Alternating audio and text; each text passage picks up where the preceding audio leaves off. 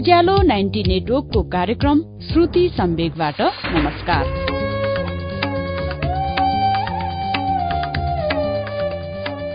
उज्यालो ninety नेटवर्कमा मंगलबार र शुक्रबार राति सवा नौ बजे कार्यक्रम श्रुति सम्वेग प्रसारण हुन्छ।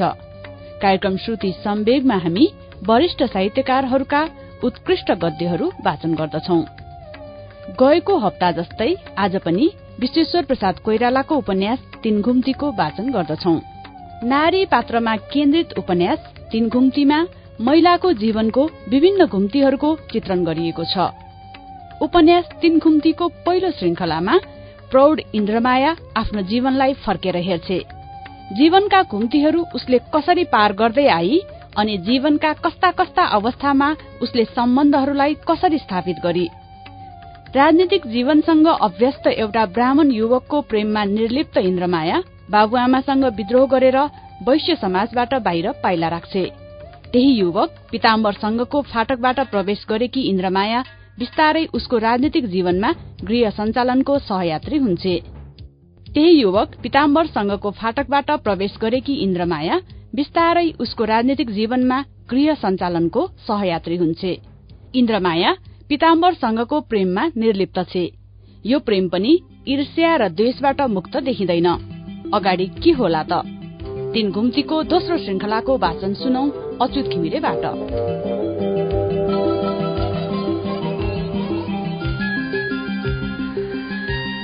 त्यस दिन पुरुष प्रेम र नारी प्रेमका भिन्न रूप इन्द्रमायाले देखि। पुरुष स्वभाव र नारी स्वभावको भिन्नताले प्रेमको रूपमा पनि भिन्नता ल्याएको रहेछ। पुरुष स्वभावले नै शासक हुन्छ। त्यसको स्थिति नै आरोहणको छ। त्यसले निरन्तर आरूढ भएको पाउनुपर्छ आफूलाई। त्यस स्थितिमा मात्र उसको सम्मान प्रतिष्ठा र पुरुषत्व सुरक्षित रहेको छ भन्ने ऊ सम्झिन्छ। मान अपमानको इखालो दृष्टि ऊ सधैँ चनाखो राख्छ। कहीँ कसैको स्पर्धाले उसको पद हानि त भएन। अविश्वास सन्दिग्धता र ईर्ष्याको काँडाले ऊ बराबर आफूलाई बिचाएको पाउँछ। हामी नारी जातिको भने ठिक उल्टो आचरण हुन्छ। हामीले त समर्पण गर्न मात्र जानेका छौं। केवल तल पर्न।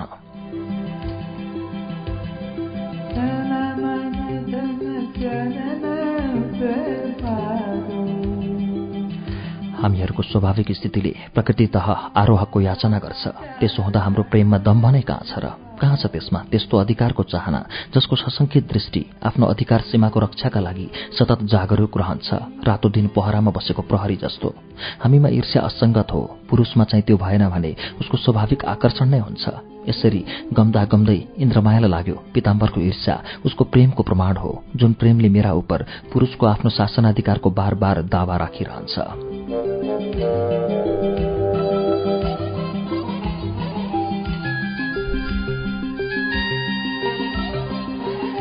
इन्द्रमायालाई एकछिन आन्तरिक सन्तोष भयो कि पिताम्बरको ईर्ष्याको क्रुद्ध फणी यस प्रकारले फङ्कार्दै उठेको हो कि उसको प्रेमको अधिकार अक्षुण रहिरहनुपर्छ र अकुण्ठित पनि उसले आफ्नो प्रेमको सिद्धि पनि यस कुरामा पाए कि उसको प्रेम उत्सर्गमय भएको छ ईर्ष्या शून्य छ। यदि पिताम्बरको बहुनारी प्रयोजनले उसको हृदयमा प्रतिहिंसा जाग्दैन भने त्यही त हो नि नारीको आफ्नो धर्म स्वभाव स्वधर्म। तर एउटा मसिनो कुराले मात्र इन्द्रमायाको पति पत्नीको पूर्णाङ्ग सुन्दरतामा सानो खोट रचिरहेको थियो। त्यो मसिनो कुरा थियो। उसको हृदयमा मधुरो आवाजमा सुनिरहने रमेशको आग्रह बाणी म कहाँ चुनी सम्बन्धको कुन स्तरमा?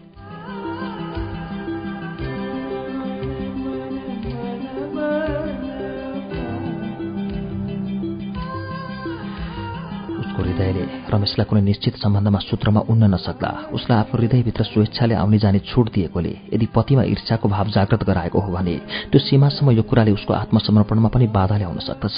भन्छन् खोट लागेको बलिलाई देवीले पनि ग्रहण गर्दिनन् रे। त के किञ्चित नै भए पनि भावनाको नदेखिने सुदूर सीमामा कतैबाट सानो प्रथमाक्रमण भएको बुझ्दा बुझ्दै किञ्चित नै भए पनि खोट लागेको समर्पण पूर्ण हुन्छ र? के त्यसको सिद्धिमा कबै पूर्णता आउन सक्ला र?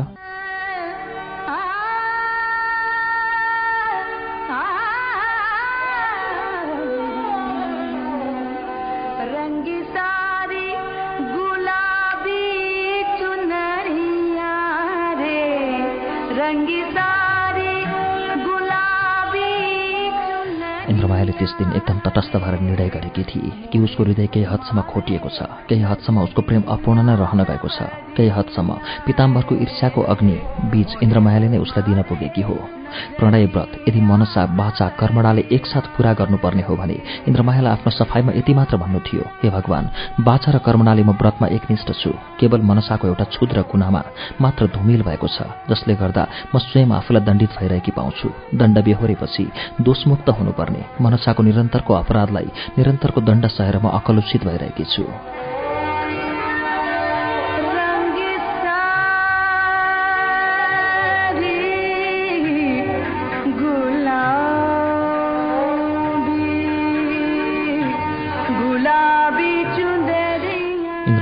अर्को कुरा पनि लागेको थियो। भइगयो पिताम्बरको बहुपत्नी सम्बन्धले पुरुष अधिकारभित्रकै त्यो कुरा भए पनि मेरो यो सानो त्रुटिलाई मनभित्र एउटा पातलो पत्र भएर जमेको काईलाई आफ्नो शरीदयताद्वारा क्षमाको आवरण उडाइदियोस्। यस प्रकार विचारको तानाबाना रच्दै ऊ धेरै बेरसम्म कोठामा बसिरही। साथीहरू चिया खाइवरी बहस समाप्त पारेर जाने तर्खरमा लागे। दिदी खोइ आज देखा पर्नु भएन नि? चिया ल्याउँदा यसो झुलुक्क हुनुभएको थियो र खोइ बहिनी र रमेशको विशिष्ट स्वरमा खोइ भाउजू भनेका प्रश्नवाची वाक्यहरू उसको कोठासम्म सुनियो। तबसम्म इन्द्रमाया पनि आश्वस्त भइसकेकी थिए। उसले सबै साथीहरूलाई कोठाको ढोकासम्म आएर सधैँको जस्तो उभिएर मुस्काउँदै विदा गरी। यस प्रकार इन्द्रमायाको जीवन बितिरहेको थियो अनि एक रात यस्तो एउटा घटना घट्यो।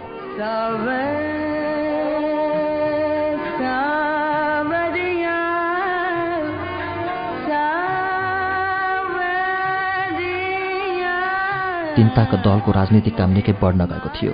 कार्यकर्ताहरू सबै व्यस्त थिए। घरमा पहिलेको जस्तो हुल भेला हुँदैनथ्यो छलफल पटक्कै बन्द थियो। कहिले कहिले फाटाफुट्टा साथीहरू आउँथे। पिताम्बर पनि धेरै जसो बाहिरी रहन्थ्यो। या घरमा आए पनि असाध्य हडबडीमा रहन्थ्यो। त्यसताक उसको मगज त्यसै तातेको हुन्थ्यो। उसको यस्तो स्वभाव देखेर इन्द्रमाया ठान्दथे यो सबै धपेडीको परिणाम हो। पिताम्बरको व्यवहारमा पनि ऊ घडिघडी शुष्कताको परिचय पाउँथे। उसलाई धेरै जसो घरमा एक्लै बस्नु पर्थ्यो र आलस्यले यताउति गरेर दिन काट्नु पर्थ्यो। अनि एक दिन एकान्तको भारी वातावरणमा उकुस मुकुस हुँदा उसलाई झल्यास भएर सम्झना भयो कि अहिलेसम्म पनि ऊ सन्तानवती हुन सकेकी छैन।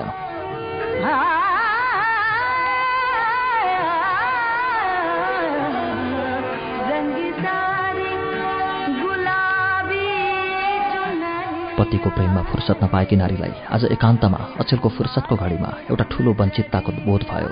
उसले हठात एउटा ठूलो अभावको शून्यताको विकराल मुख आफ्नो अन्तर्हृदयमा बाहिरहेको देखि। यत्रो रमाइलो र चहल पहलको जीवनको मध्येका यतिका दिनदेखि ऊ एउटा महान प्राप्तिबाट वञ्चित पो भइरहेकी रहेछ भन्ने उसले थाहा पाए। चहल पहल थामिँदा वञ्चितताको शून्य मात्र त्यहाँ बाँकी बचेको थियो आज।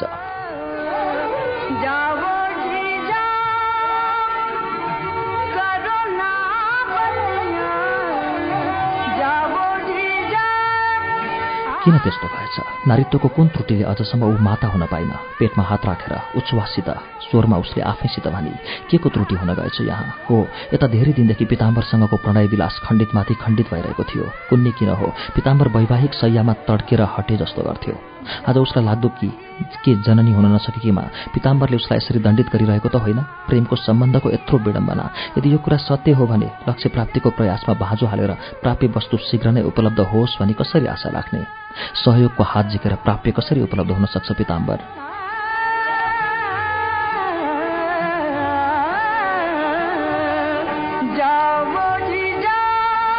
इन्द्रमायाले आज पो यी सब कुरा झालझाली सम्झिन लागि जब पुरुष दल आफ्नो काममा बाहिर व्यस्त थियो र घरभित्र एउटी नारी काम नपाएर अल्लारिरहेकी थिए। आज यो एक्लो घरले बालकको तोती बोलीको मानव माग गरिरहेको थियो। मानव त्यहाँको स्तब्ध दृश्यमा बालकको थै थै गरी हिँडेको जीवनको कामना थियो। इन्द्रमायाले सोची कठै आज मैले आफ्नो गर्वको बालकलाई गुगुती गर्दै खेलाउन पाइनँ।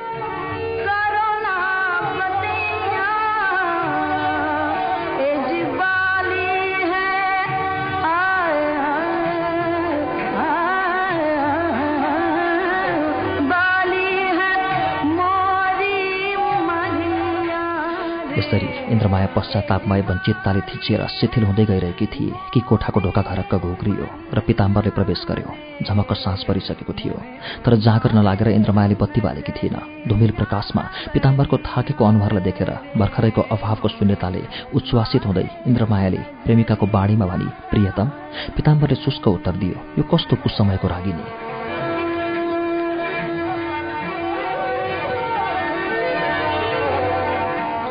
पिताम्बरको उत्तरले मानव सहसा इन्द्रमायालाई सचेष्ट बनाइदियो। भर्खरैको आत्मसंवेदनाको भावना हठात लोप भयो। उसले भनी पिता शरीरले सहन नसक्ने परिश्रम किन गर्छौ? हेर आफूलाई कस्तो भइसक्यो सुकेर? पिताम्बरले उस्तै शुष्क स्वरमा भन्यो घरमा पहिले साँझको बत्ती त बालोस् अनि मात्र कसैले आफूलाई हेर्न सक्छ ऊ कति दुब्लाएछ भनेर।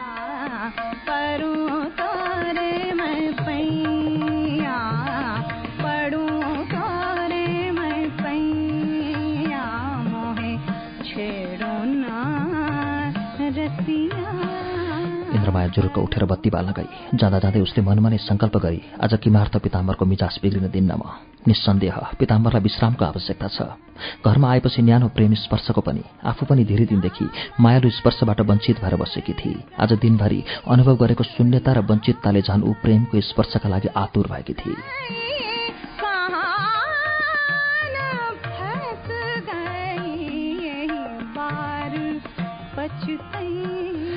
कोठाको टेबलमा बत्ती राखेर उसले पिताम्बरलाई भनी झट्टै पानी तताइदिन्छु। मुख हात धोएर आऊ। भान्सा तयार पनि चाँडै गर्छु। आज कतै बाहिर जाने होइन नि। रात घरमै बिताउनुपर्छ।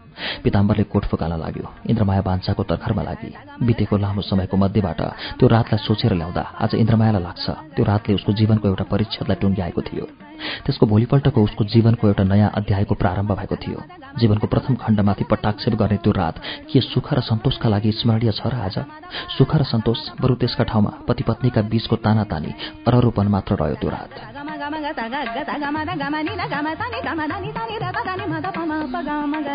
म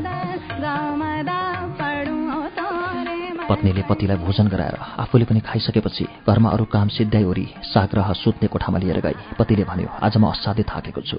इन्द्रमायाले देखे कि यथार्थमा पिताम्बर क्लान्त छ तर के सत्यको दर्शनले शरीर र मनको आन्तरिक आग्रहलाई टार्न सक्छ र चित्त बुझाउन सकिएला?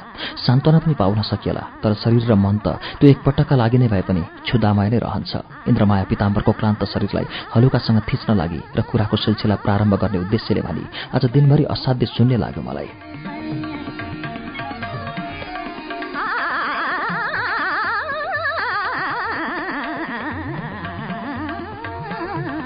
पिताम्बरले केवल एउटा सानो हुँ भन्यो। इन्द्रमायाले भने तिमी पुरुषहरूलाई बाहिरको काम रहन्छ व्यस्त रहन्छौ तिमीहरू। त्यस उसले घरको शून्य कस्तो विरक्ति लाग्दो हुन्छ बुझ्दैनौ पिताम्बरले चुप लागेर सुनिरह्यो। इन्द्रमायाले फेरि भने घरमा केटाकेटी भएका भए शून्य हुने थिएन पिताम्बरले अनावश्यक उत्तेजनामा भन्यो तिमी नै होइन आँखा राम्ररी उगारेर यो जीवन ग्रहण गर्न म कहाँ आए कि इन्द्रमायाले भने हो त्यसको निम्ति मलाई एक रत्ती पनि पश्चाताप छैन। तर तिमी यसरी मेरा उप प्रेमको प्रथम जिम्मेदारी सुम्पिएर पश्चातापको स्वर झिक्छौ। के तिमीलाई पछितो भएको छ पिताम्बर?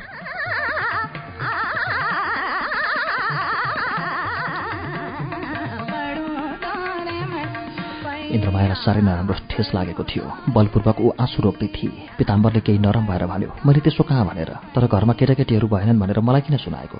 तिमीमा पो केही बिगार छ कि बन्द्या इन्द्रमाया मृदु स्वरमा भने सन्तान भनेको पति पत्नीको सम्मिलित सहयोगको सुन्दर रचना हो। खोइ यता त्यो सहयोग पिताम्बरले कोल्टे फर्केर भन्यो आज म असाध्यै थाकेको छु।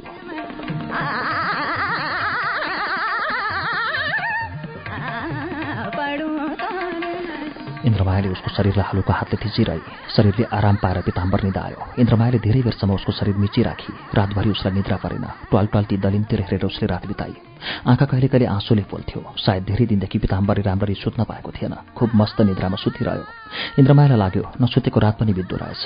र कहिले उज्यालो होला र घरको काममा लाग्न पाइएला भनी निराशामा प्रभातको प्रतीक्षा गरिरहेकी थिए कि बारीमा कोलाहल भएको उसले सुनि। यो के भएको भन्ने बुझ्दा नबुझ्दै घरभरि मिलिटरीका सिपाहीहरू छापछाप्ती भइसकेका थिए। बुटको आवाजका साथै एउटा ठूलो धक्का लाग्यो उसको कोठाको ढोकामा।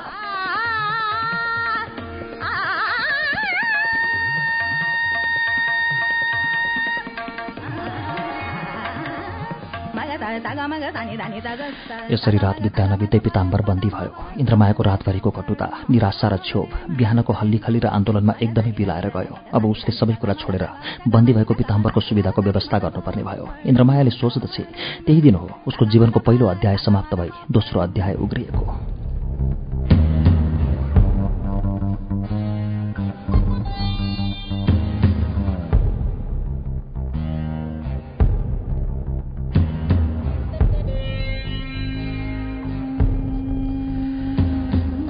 दोस्रो निर्णयको बारेमा इन्द्रमायालाई अचेल बार बार स्मरण हुने गर्छ। त्यो थियो रमेशका सम्बन्धमा उसले लिएको निर्णय। प्रौढाको बार्द्योन्मुख शरीर एवं मनको शिथिलताले होला। अचेल जब ऊ आफ्नो बितेको जीवनमा दृष्टिपात गर्छ उसलाई कहिलेकाहीँ लाग्छ जुन कुरालाई उसले तन्नेरी अवस्थाको अहंकार या मेरो आफ्नो स्वयंको निर्णय हो भनेकी थिए सायद त्यो स्वेच्छाले गरेको निर्णय थिएन। सायद पग पगमा लिइरहेका निर्णयहरूको श्रृङ्खलाको कालमाप हो जीवन। जीवन पथमा हिँडेको प्रत्येक डेक प्रत्येक निर्णयले उठ्दछ। तर आजको अलस मनले स्वत्वको त्यत्रो महिमालाई स्वीकार गर्ने जागर बटुल्न सक्दैन। त्यसैले पनि होला तृतीय प्रहरको यो उदास लाग्दो शून्य घडीमा ओछ्यानमा लेटी लेटी इन्द्रमाया सोध्छे उसले निर्णय लिएको भनेको नियतिले कोरेको बाटामा हिँडेको हो नत्र तिनताका रमेश मात्र किन उसको सामान्यमा परिरहन्थ्यो? र किन त्यो दुर्दिनमा ऊ मात्र उसको काम लाग्ने व्यक्ति बन्न गयो? त्यति मात्रै पनि होइन। पिताम्बरसँगको प्रेममय सहवासको समयमा पनि रमेशलाई अत्यधिक स्नेहले दिने स्थान उसको मनले आफ्नो हृदयमा दिने राखेको थियो।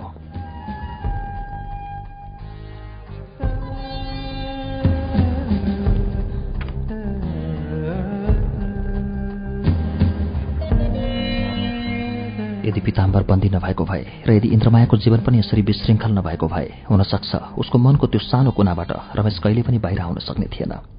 कि नारी आफ्नो हृदयमा यस्ता अनेकानेक अग्निबीजहरूलाई बाह्य जगतको वायु स्पर्शबाट जोगाएर राख्दै आफूसँगै चितामा अग्नि समर्पण गर्दिन र उसलाई लाग्दैन हृदयको त्यस्तो अग्निबीजले वायुको ठूलो स्पर्शको अवसर पाउनका निमित्त पिताम्बरले बन्दी नै हुनुपर्थ्यो र त्यसको परिणामस्वरूप इन्द्रमायाको अस्तव्यस्तमय जीवन पनि हुनुपर्थ्यो। त्यसैले अचेल इन्द्रमायालाई लाग्न थालेको छ कि हुन त मानिसले नै निर्णय गर्छ तर नियतिले निर्देशन गरेकै बाटोमा हिँड्नुपर्छ। उसको निर्णय भवितव्यको सेवकको रूपमा प्रकट हुन्छ।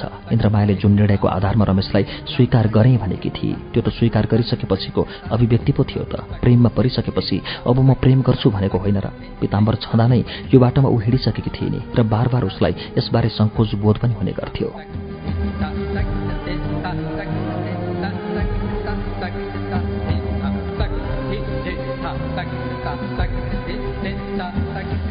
तर साथै भवितव्य या नियतिको काँधमा उत्तरदायित्वको जुवा चढाएर पनि त निश्चिन्त भएको अनुभव इन्द्रमायालाई हुँदैनथ्यो ऊ यो तथ्य स्वीकार गर्न चाहन्नथे कि उसका निर्णय निर्णय नै होइनन् कि ऊ जीवनका अनेकानेक पथहरूमध्ये उसले आफ्नो स्वेच्छाले रोजिरहेको पथभन्दा भिन्न पथ हिँड्न सक्दिनथे कि जीवनमा भोग्दै आएका सुख दुःख उसका आफ्नै रचना होइनन् कि इन्द्रमाया अर्की इन्द्रमाया हुन सक्दिनथे इत्यादि। बाबुआमाको आग्रहलाई नटारेको भए कि उसको जीवनले अर्को मोड लिने थिएन र कि ऊ पनि आफ्नी बहिनी सरह एउटा मध्यवित्त परिवारकी नारीमा अवतीर्ण हुन्न थिए जसको जीवनलाई समाजका नियम विधिहरूले केही अंशमा पूर्व निश्चित गरिदिएका हुन्थे र जसका सन्तानद्वारा घर भरिभराउ हुन्थ्यो। र सबै इष्टमित्र नातागोताहरू उसलाई भाग्यमानी नारी भन्थे। समाजको संरक्षणमा हुर्कने जीवनलाई कि इन्द्रमायाले स्वेच्छाले छाडेकी होइन र इन्द्रमायालाई निश्चय थियो कि हो उसले स्वेच्छाले नै छाडेकी हो र त्यो निर्णयमा आज पनि उसलाई पछुतो छैन।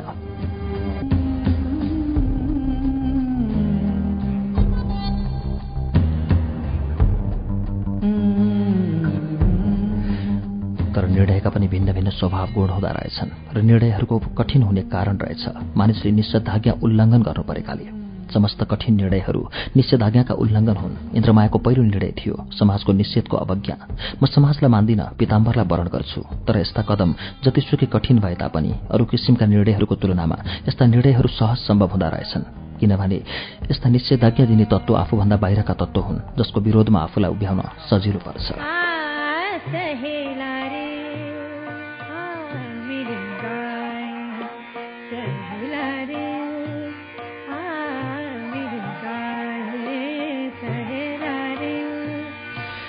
विजय या पराजयको परिणामको कल्पनाले द्वन्द्वको काठिन्य स्थापित हुँदैन। कस्तो तत्त्व छ प्रतिद्वन्दी कसका अगाडि उभिनु परेको छ त्यसले? द्वन्द्वको कठिनता वा सुगमता निर्धारित गर्दो रहेछ। समाज तत्त्व जे भए पनि आफूभन्दा बाहिरको तत्त्व हो। त्यसको विरोधमा उभिँदा पराभूतको आदर्शका निश्चय नै हुन्छ। तर समाजका बाहिरी तत्त्व भएको अन्य देशीय हो जसको अवान्छनीय हस्तक्षेप आफ्नो जीवनमा त्यस्तो शत्रुभावापन्न जस्तो लाग्छ जस्तो कुनै विदेशी शत्रुले आफ्नो देशमा हमला गर्दा मानिसमा हुन्छ। आक्रमणकारी शत्रुका विरुद्धमा मानिस के परिणामको लेखाजोखा गरेर मात्र उभिन्छ। इन्द्रमायालाई लाग्यो बाहिरियासँग जुझ्न सजिलो रहेछ। आक्रमणकारी परचक्री शत्रुसँग युद्धको निर्णय गर्न कठिन भए पनि दुस्सह हुँदैन।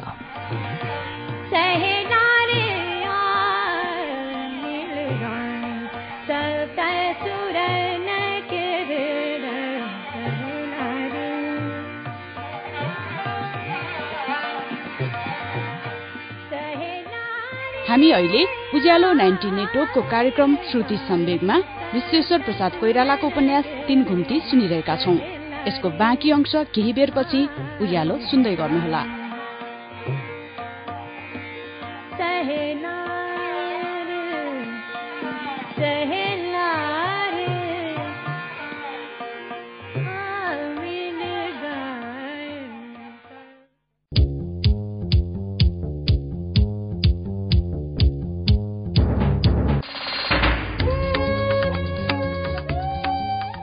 कार्यक्रम श्रुति सम्वेक तपाईँ अहिले उज्यालो नाइन्टी नेटवर्क काठमाडौँ सँगसँगै इलाम एफएम झापाको एफएम मेची ट्युन्स महोत्तरीको रेडियो दर्पण हेटौडा एफएम वीरगंजको नारायणी एफएम चितवनको रेडियो त्रिवेणी र रेडियो चितवन तनहुको मादिसेती एफएम र पोखराको रेडियो तरंगबाट सुनिरहनु भएको छ।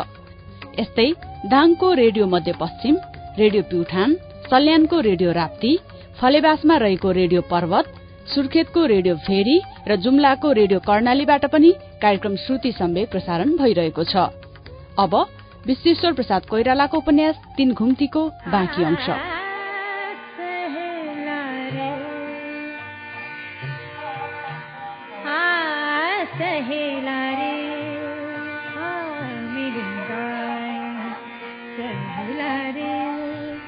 जीवनमा त्यस्तो पनि निर्णय लिनुपर्ने हुन्छ।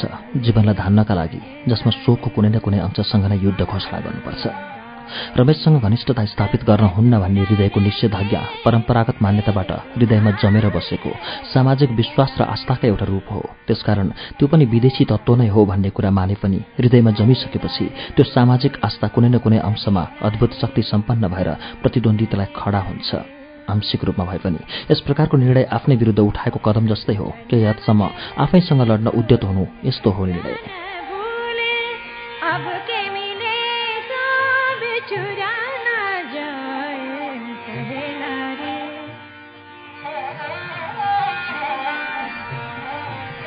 सामाजिक नियमको विरुद्ध उभिनुभन्दा कता हो कता धेरै दुस्सह हुँदो रहेछ। आफ्नो आस्थाका विरुद्ध उभिनु। आस्थामा हृदयको सानो टुक्रो गाभिन पुग्छ। त्यसरी यस्ता निर्णयहरू दुस्सह भएका हुन्। हृदयका यस्ता आस्थाहरू समाज जस्तो पृथक तथा अन्य देशीय हुँदैनन् जसका प्रति प्रतिकूल निर्णय लिनुपर्दा भावाभिभूत हुनु परोस् एक प्रकारको तटस्थताका साथ निर्णय लिन सकिन्छ मनलाई चोखो राखेर आफूलाई खण्डित नपारेर कठै यस्तो सुगमता कहाँ पाइयो र जब उसले रमेशलाई स्वीकार गरी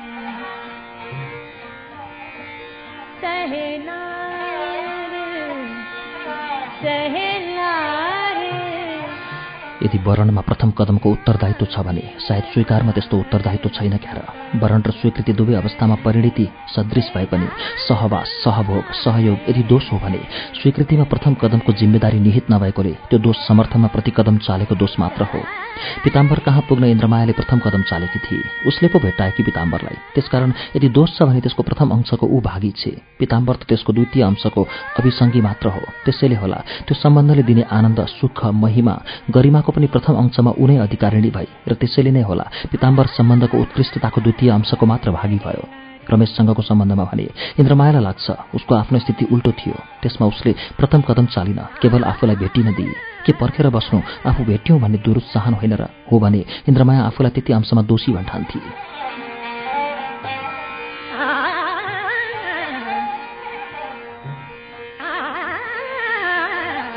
अचेल इन्द्रमायालाई एउटा अर्को कुराको पनि बडो गम्भीर अनुभव भइरहेको थियो। पिताम्बर र आफ्नो सम्बन्धमा ऊ कहिले पनि दोषको सन्दर्भमा आफूलाई हेर्दिनथे हो मनमा कुरा खेलाउँदा प्रथम चारको जिम्मेदारी बेहोर्ने प्रश्न आउँदा तर्कदगत वाक्य उठ्थ्यो।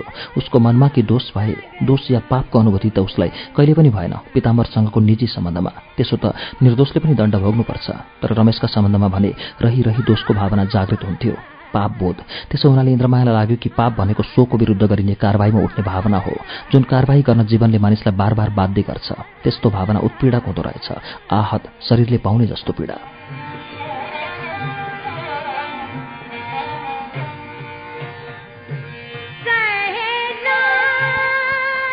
त्यसैले त हो नि इन्द्रमायाले पति र पुत्रीमा रोज्नु पर्दा आफू दुई टुक्रामा चिरा परेको अनुभव गरेकी थिए। त्यो निर्णय कति दुस्सह थियो।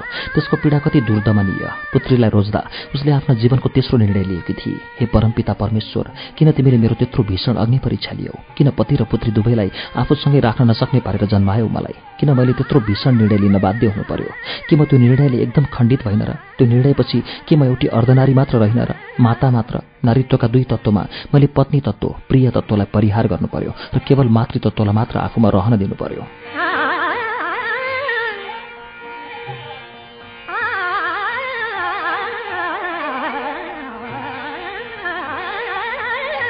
यो तेस्रो निर्णय पिताम्बरलाई रोज्दा समाजका विरुद्ध लिएको जस्तो बाहिरी तत्त्वका विरुद्ध लिएको निर्णय थिएन। न त यो रमेशका सम्बन्धमा लिएको जस्तो निर्णय नै थियो जो आफ्नो हृदयको आस्थाका विरुद्ध उसले लिएकी थिए। यो त आफ्नो सत्यको एक आधारभूत तत्त्वका विरुद्ध लिनु परेको निर्णय थियो। आफूलाई एकदम अर्धखण्डित पारेर यो कस्तो प्रतिद्वन्दी हो कस्तो रणक्षेत्र हो के यो हत आहत भयो यो सङ्घर्षमा? उत्तर केवल यही छ आफू आफू र मात्र आफू। पतिलाई परित्याग गरेकोमा के उसको हृदय अहिलेसम्म पनि शान्त हुन सकेको छ र? के खण्डित नारीले वेदनाबाट कुनै क्षण पनि मुक्ति पाएर के उसले जहाँ रहँदा पनि जुन क्षणमा पनि आफ्नो अर्धाङ्गलाई नित्य निरन्तर प्रज्वलित अग्निमा अहर्निश पिल्साइरहनु परेन र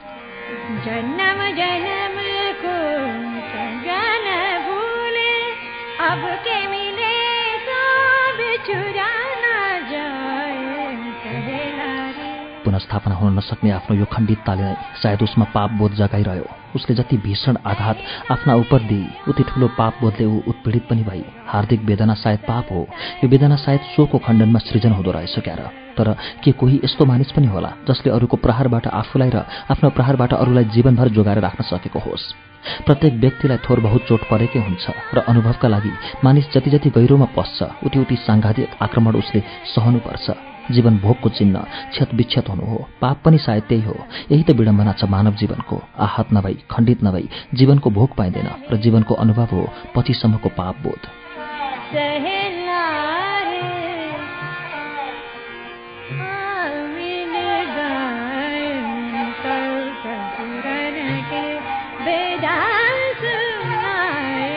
आजकल जब जीवनको सायद उसका लागि भोगको परिसमाप्तिको बेला आउन लागेको छ र जब तृतीय प्रहरको कार्य निवृत्ताको उसले अवसर पाएकी छ उसले आफ्ना जीवनका अनुभव तथा प्राप्ति या वञ्चिततालाई एक्लै बसेर केलाउने समय पाएकी छ। पहाडको चुचुरोमाथि बसेर थाकेको यात्रीले पछि फर्केर हेरे जस्तो उसलाई लाग्छ। उसले हिँडेर आएको लामो बाटो धेरै धेरै टाढासम्म देखिन्छ। त्यो सुदूर क्षितिजमा पुगेर बिलाउन खोजेको पथरेखा जो अहिले उसको पृष्ठ प्रदेशमा लामो भएर खिचिएको छ। त्यही त हो नि अहिले आँखा अगाडि झलझली देखा परेको उसको जीवन। तर त्यसमा हिँडिरहेको बखत कहाँ देखा परेको थियो र यो रेखा? जीवनको भोग गरिरहेका बखत जीवन बिर्सिन्छ चाहे सुखको भोग होस् वा दुःखको। भोगिसकेको क्षण मात्र जीवनको रूपमा प्रकट हुँदो रहेछ। नत्र आज उसले यसरी दुःख सुखको विवेचना गर्दै ती क्षणहरूलाई यति छर्लङ्गसँग कसरी देख्न सकेकी छ? तिनताका पनि त ऊ सम्झना आउनु पर्थ्यो तर कहाँ आउँथे र?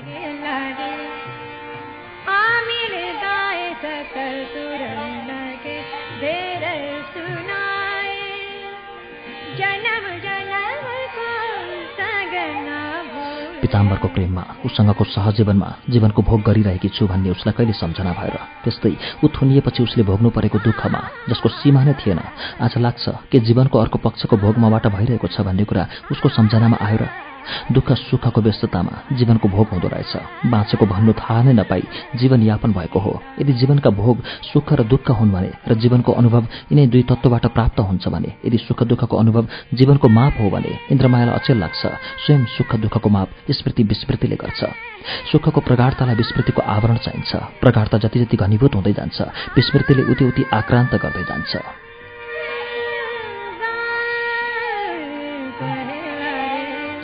चरम सुख विस्मृतिको परम लुप्ततामा विलिन हुन्छ। दुःखको पनि त्यस्तै आचरण हुन्छ। दुःखको पराकाष्ठमा विस्मृतिको प्राणदायिनी प्रलय पनि पाउँछ मानिस। दुःख होस् चाहे सुख दुवैको उत्कृष्टता सम्पूर्ण विस्मृतिमा एकाकार हुन जान्छ। त्यसैले इन्द्रमायालाई लाग्छ कि यतिका दिनसम्म उसले जानी नजानी जीवनको भोग गरिरहेकी रहेछ। अचेल आलस्यको बेलामा यी सबै कुरा सम्झेर ऊ आफैलाई भन्छे कठै मैले कति सुख वा दुःख बेहोरेँ तर भोग गरिरहेका बखत यी सबै कुरा सम्झिरहने उसलाई कहाँ फुर्सद थियो र? न उसले यो सम्झेकी थिए कि आहा पिताम्बरसँग जीवन बिताउँदा मलाई कति रमाइलो भएको थियो। न त पिताम्बरको गिरफ्तारीपछि कपालमा हात राखेर उसले यो नै सम्झिरहन पाएकी कठै कत्रो दुःख भोग्नु परेको मलाई।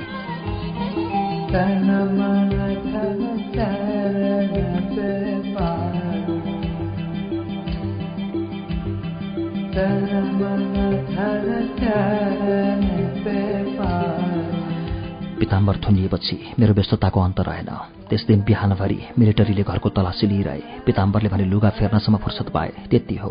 उनलाई कुन्नी कहाँ लगिहाले उत्निखेरै उनलाई नलगुन्जेल आश्वासन र सहाराका लागि म उनैसँग टाँसिरहेँ। उनलाई भन्नुपर्ने कुरा मसँग केही थिएन। अन्ड्योलमा परेकी म केवल बार बार उसको मुख मात्र हेरिरहन्थेँ र कहिले उनले लाएको कोट र कहिले सुरुवाल तान्तुन पार्न लाग्थेँ। उनले जुत्ता लगाइसकेपछि अन्तिम घडीमा उनलाई बिदा दिँदा मैले घुँडा टेकेर साडीको फुर्कोले उनको जुत्ता पुछिदिएँ। उनले जाँदा जाँदै भने केही परि आयो भने रमेशलाई भन्नु।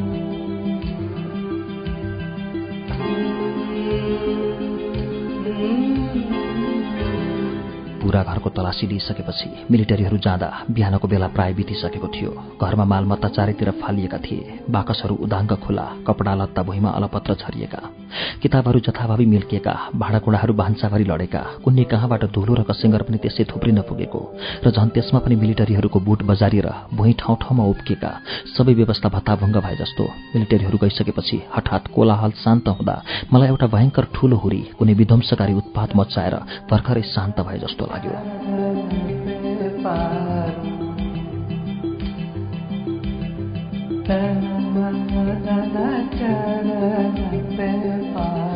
घरमा डरलाग्दो निस्तब्धता थियो। तलासी लियोन्जेल हाम्रो पर्खाल बाहिर सडकमा उभिएर छरछिमेका नरनारी र बालकहरू रमिता हेरिरहेका थिए।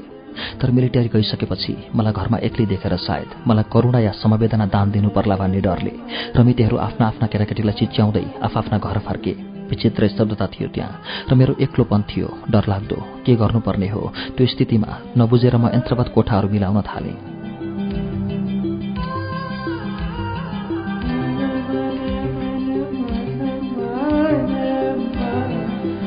फेरि लाग्यो कि पिताम्बरलाई कहाँ लग्यो होलान्? त्यो बुझ्ने पो पहिलो मेरो काम हो। तर कहाँ गएर बुझ्ने? छिमेकमा कोही यस्ता इष्टमित्र थिएनन् जसले मेरो सहायता गरोस्। माइतीसँग त झन् यतिका दिनदेखि सम्बन्ध नै टुटिसकेको थियो। कलेजका पुराना सखी शैलीहरूसँग पनि आजकल मेरो कुनै प्रकारको सम्बन्ध र सम्पर्क थिएन। रमेश अथवा पिताम्बरका अरू साथीहरूको घरको कुनै अत्तो थाहा थिएन मलाई। के गर्ने? के समाजले आज मसँग आफ्नो पुरानो वैरभाव त साधेको होइन? के गर्ने? बार बार एकनाशले मेरो मनले भनिरह्यो अब के गर्ने? अब के गर्ने? यताउति कतै नहेरेर म दगुर्दै घर अगाडि सडककै छेउकी पसली बुढी कहाँ पुगेँ? उतारेको आलु चिउरा भटमास र चाकु बेच्ने गर्थे।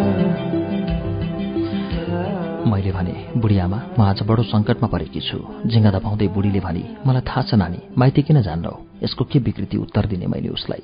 भने त्यही त आमा त्यसैले त तिमी कहाँ म आएकी? एक बाजी जनी गरेर रक्तकालीमा मेरो आमा बाबुलाई यो समाचार लगिदेऊ। यहाँ घर एक्लो छ।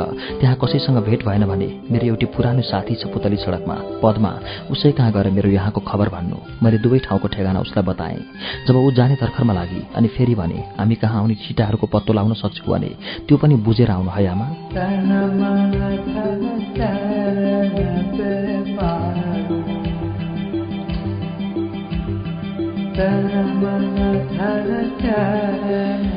गएपछि धेरै बेरसम्म म त्यो न्यास्रो घरमा पर्खिरहेँ। साँझतिर ऊ लखतरान थाकेर आई भनी तिम्रा माइतीले त मलाई हकारेर पो पाए नआउने गर्नु रे। के उदेक पदमा घरैमा छिन् पुतली सडक माइती आएकी छैनन् रे। सहरमा सुने जम्मै ठिटाहरू समातिए रे। एउटालाई पनि नछाडेर थुनेको छ अरे सबैलाई। भुइँमा समाएको लौरो टिपेर बुढीले भनी अब तिमी के गर्छौ नानी? बुढी आमाको स्नेहले भरिएको यो प्रश्नले मलाई हठात पगालिदियो मानौ दिनभरिको दुःखको उम्लिएको बाफ अब कसैको बाधा नमानेर निस्कन आँट्यो मैले बलपूर्वक आँसु थामेर भने आमा जो परि आउँछ बेहोर्नै पर्छ।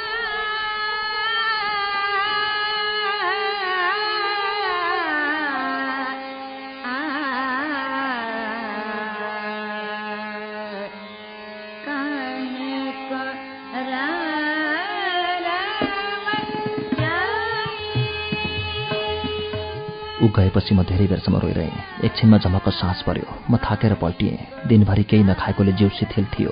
रातभरि कहिले झिमिक्क आँखा लाग्थ्यो। कहिले जससँग भएर बिउजिन्थेँ कहिले डरको संसार हुन्थ्यो। त कहिले असहाय र एक्लोपनको मात्र अनुभव हुन्थ्यो। यसरी त्यो चिरस्मरणीय दिन बित्यो।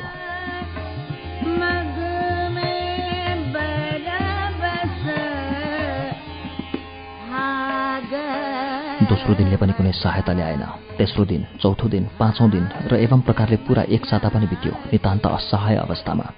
यतिका दिन बित्दा पनि पिताम्बरलाई कहाँ थुनेर राखेको छ भन्ने मैले अत्तो पाउन सकिनँ। उनलाई कहाँ थुनेर राखेको छ भन्ने कस्तो छ कुन अवस्थामा छन् उनी केही थाहा पाउन सकिनँ। मजिस्ट्रेट कहाँ धाएँ त्यहाँबाट केही थाहा पाउन नसकेकीले सायद कस कमिसनर कहाँ केही थाहा भइहाल्छ कि भनेर त्यहाँ पनि धाएँ केही पत्तो लागेन। यति चाहिँ थाहा पाइयो कि मिलिटरीको जिम्मामा छन् रे उनी। मजिस्ट्रेट र कमिसनर अफिसका केही कर्मचारीहरू त स्पष्टसँग व्यङ्गका कुरा गर्थे तर अरूहरू भने सायद लाजले होला मतिर हेर्दै नहेरी मुन्टो गाडेर लेखिरहन्थे। सैनिक हेडक्वार्टर्समा त प्रवेश नै सम्भव थिएन। फाटकभन्दा पनि धेरै टाढा। ड्युटीमा उभिएको सन्तरीले अर्डर छैन भनी मलाई हकारेर फर्काइदियो। मैले घरबाट कैयौँ बिन्ती पत्र हालेँ। एक सर्वोच्चदेखि अर्को सर्वोच्च कहाँ चारैतिरबाट मौनताको पर्खालले म घेरिएकी भएँ।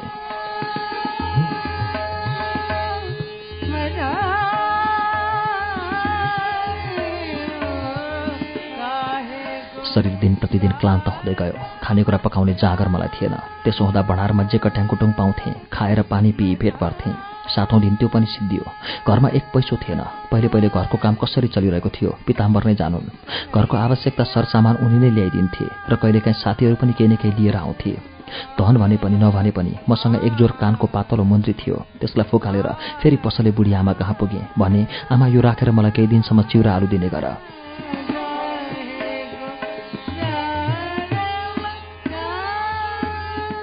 बुढीले भने नानी यो के ल्याकी छि लगाऊ कानमा हेर कस्तो बुच्चो देखिएको। चिउरा लिएर जाऊ र पछि दाम दिनु जब सकौली।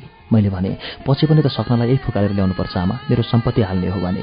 एउटा दुनोमा चिउरा र त्यसमाथि आलुको तरकारी राखेर मलाई दिँदै। बुढी आमैले भनिन् जबसम्म सकौँला तिमीलाई दिइरहन्छु र तिमीले पनि जबसम्म चाहिन्छ लिन आइरहनु। बराती ठिटाहरू हामी गरिबकै लागि समात्या होइनन् र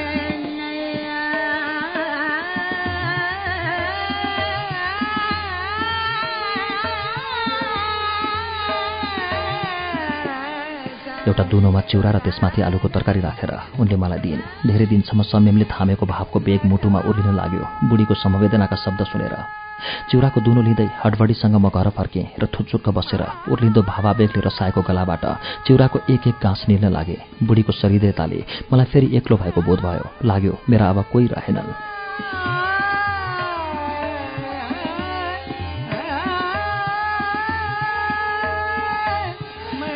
त्यसै बखतमा कोठाको ढोका घर्याक्क उग्रियो र अकस्मात रमेश कोठाभित्र पस्यो। म एकदम छक्क परेँ र एक्कासी यो फर्केको भाग्यको अनुभव गर्नुभन्दा पहिले नै खाँदा खाँदै म कराएँ यो के? रमेश को?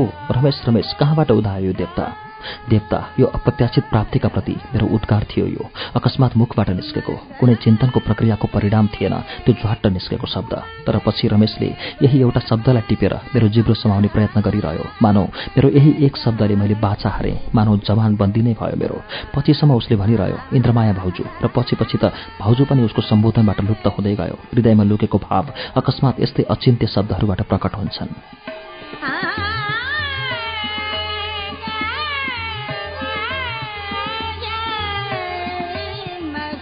मैले पनि पछिसम्म तर्क दिइरहेँ। रमेश हिन्दू नारी देवताको दुई भिन्न रूप देख्छे। एउटा त्यस्तो बाह्य अवस्थित शक्तिको रूप जो दुर्दिनमा उसको सहायतार्थ करुणावान भएर आउँछ।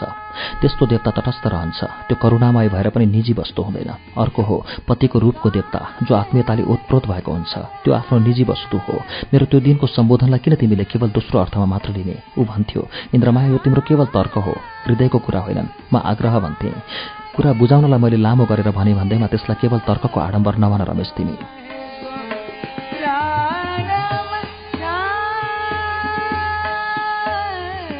म साग्रह भन्थेँ। कुरा बुझाउनलाई मैले लामो गरेर भने भन्दैमा त्यसलाई केवल तर्कको आडम्बर नभन र जति जति म रमेशसँग कुरा गर्थेँ उति उति दृढ भएर तर्कका उप तर्क थप्दै जान्थेँ तर आफूभित्र आस्थाको भित्ता हल्लिँदै गएको म पाउँथेँ। मलाई लाग्थ्यो म फाटकको ढोका मात्रै बलपूर्वक थुनेर निश्चिन्त हुन खोज्दैछु। तर मलाई निश्चिन्त हुन कहाँ दिन्थ्यो र रमेश? बार बार ऊ मेरो आस्थाको पर्खालका इँट एउटा एउटा गरेर उप्काउँदै जान्थ्यो।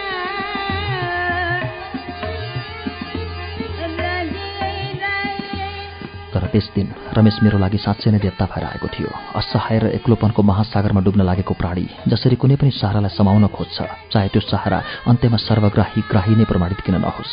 त्यस्तै मैले पनि त्यसबेला रमेशलाई झ्वाट्ट अँगाल्न पुग्नु अत्याहाटमा हुन गएको एउटा अन्धक्रिया थियो र केही बेरपछि चेतनाको सञ्चार भएपछि केही आश्वस्त भएर म प्रश्नमाथि प्रश्न गर्न लागेँ खोइ पिताम्बर कहाँ छन् उनी? कस्तो छ उनलाई? बताऊ बताउ न रमेश बताऊ। तिमी नि कहाँ थियौ यतिका दिन? किन नआएका म कहाँ? हेर कति दुब्लाएको। भन न किन केही नबोलेको?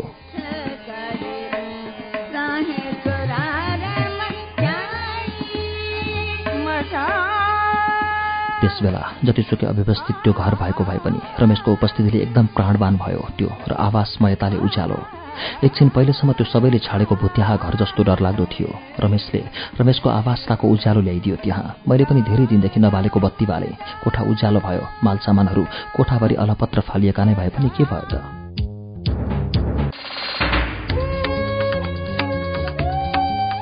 आजको श्रुति सम्वेगमा हामीले विश्वेश्वर प्रसाद कोइरालाको उपन्यास तिनकुम्तीको दोस्रो श्रृंखला सुन्यौं। पिताम्बरको साथी रमेश र इन्द्रमाया बीचको माधुर्यता पिताम्बरको लागि जलनको कारण बन्न पुगेको छ। यसै पनि राजनीतिमा व्यस्त पिताम्बर प्रेम जीवनप्रति आसक्त देखिँदैन। इन्द्रमायामा आमा बन्ने रहर जागृत भएको थियो तर पिताम्बर राजनैतिक बन्दी हुन पुगे। इन्द्रमायाको रहर रहरैमा सीमित भयो। यति नै बेला पिताम्बरको साथी जेलबाट छुटेर घर आइपुगेको छ। पृष्ठ एकचालिसमा आएर वाचनलाई आज रोकेका छौं। अगाडि के के होला आउँदो शुक्रबार थाहा हुने नै छ। आज श्रुति सम्वेगमा हामीले विश्वेश्वर प्रसाद कोइरालाको उपन्यास तीन घुम्तीको दोस्रो श्रृंखला सुन्यौं। पिताम्बरको साथी रमेश र इन्द्रमाया बीचको माधुर्यता पिताम्बरको लागि जलनको कारण बन्न पुग्यो। यसै पनि राजनीतिमा व्यस्त पिताम्बर प्रेम जीवनप्रति आसक्त देखिँदैन। इन्द्रमायामा आमा बन्ने रहर जाग्रत भएको थियो तर पिताम्बर राजनीतिक बन्दी बन्न पुगे। इन्द्रमायाको रहर रहरैमा सीमित भयो तर यति नै बेला पिताम्बरको साथी रमेश जेलबाट छुटेर घर आइपुगेको छ। पृष्ठ एकचालिसमा पुगेर आजको वाचनलाई रोकेका छौं। पृष्ठ एकचालिसमा पुगेर आजको वाचन रोकेका छौं। अगाडि के के होला? आउँदो शुक्रबार थाहा हुने नै छ। तपाईलाई उपन्यास तीन घुम्ती कस्तो लागिरहेको छ? कार्यक्रममा प्रतिक्रिया पठाउनको लागि हाम्रो ठेगाना हो। कार्यक्रम Shruti Samveg post box number छ चार छ नौ काठमाडौँ। यदि तपाई इमेलबाट आफ्नो प्रतिक्रिया दिन चाहनुहुन्छ भने हाम्रो इमेल ठेगाना हो। SHRUTI at UNN dot com dot NP हवस् त मंगलबार भिक्टर ह्युगोको फ्रान्सेली उपन्यास ड्यामको कुम्बेको अन्तिम श्रृंखला लिएर आउनेछौ। त्यस बेलासम्मका लागि प्राविधिक साथी दिनेश निरौला र सशिन्द्र गौतमसँगै अच्युत घिमिरे र म मन्टेश्वरी राजभण्डारी पनि विदा पाऊ। शुभरात्री।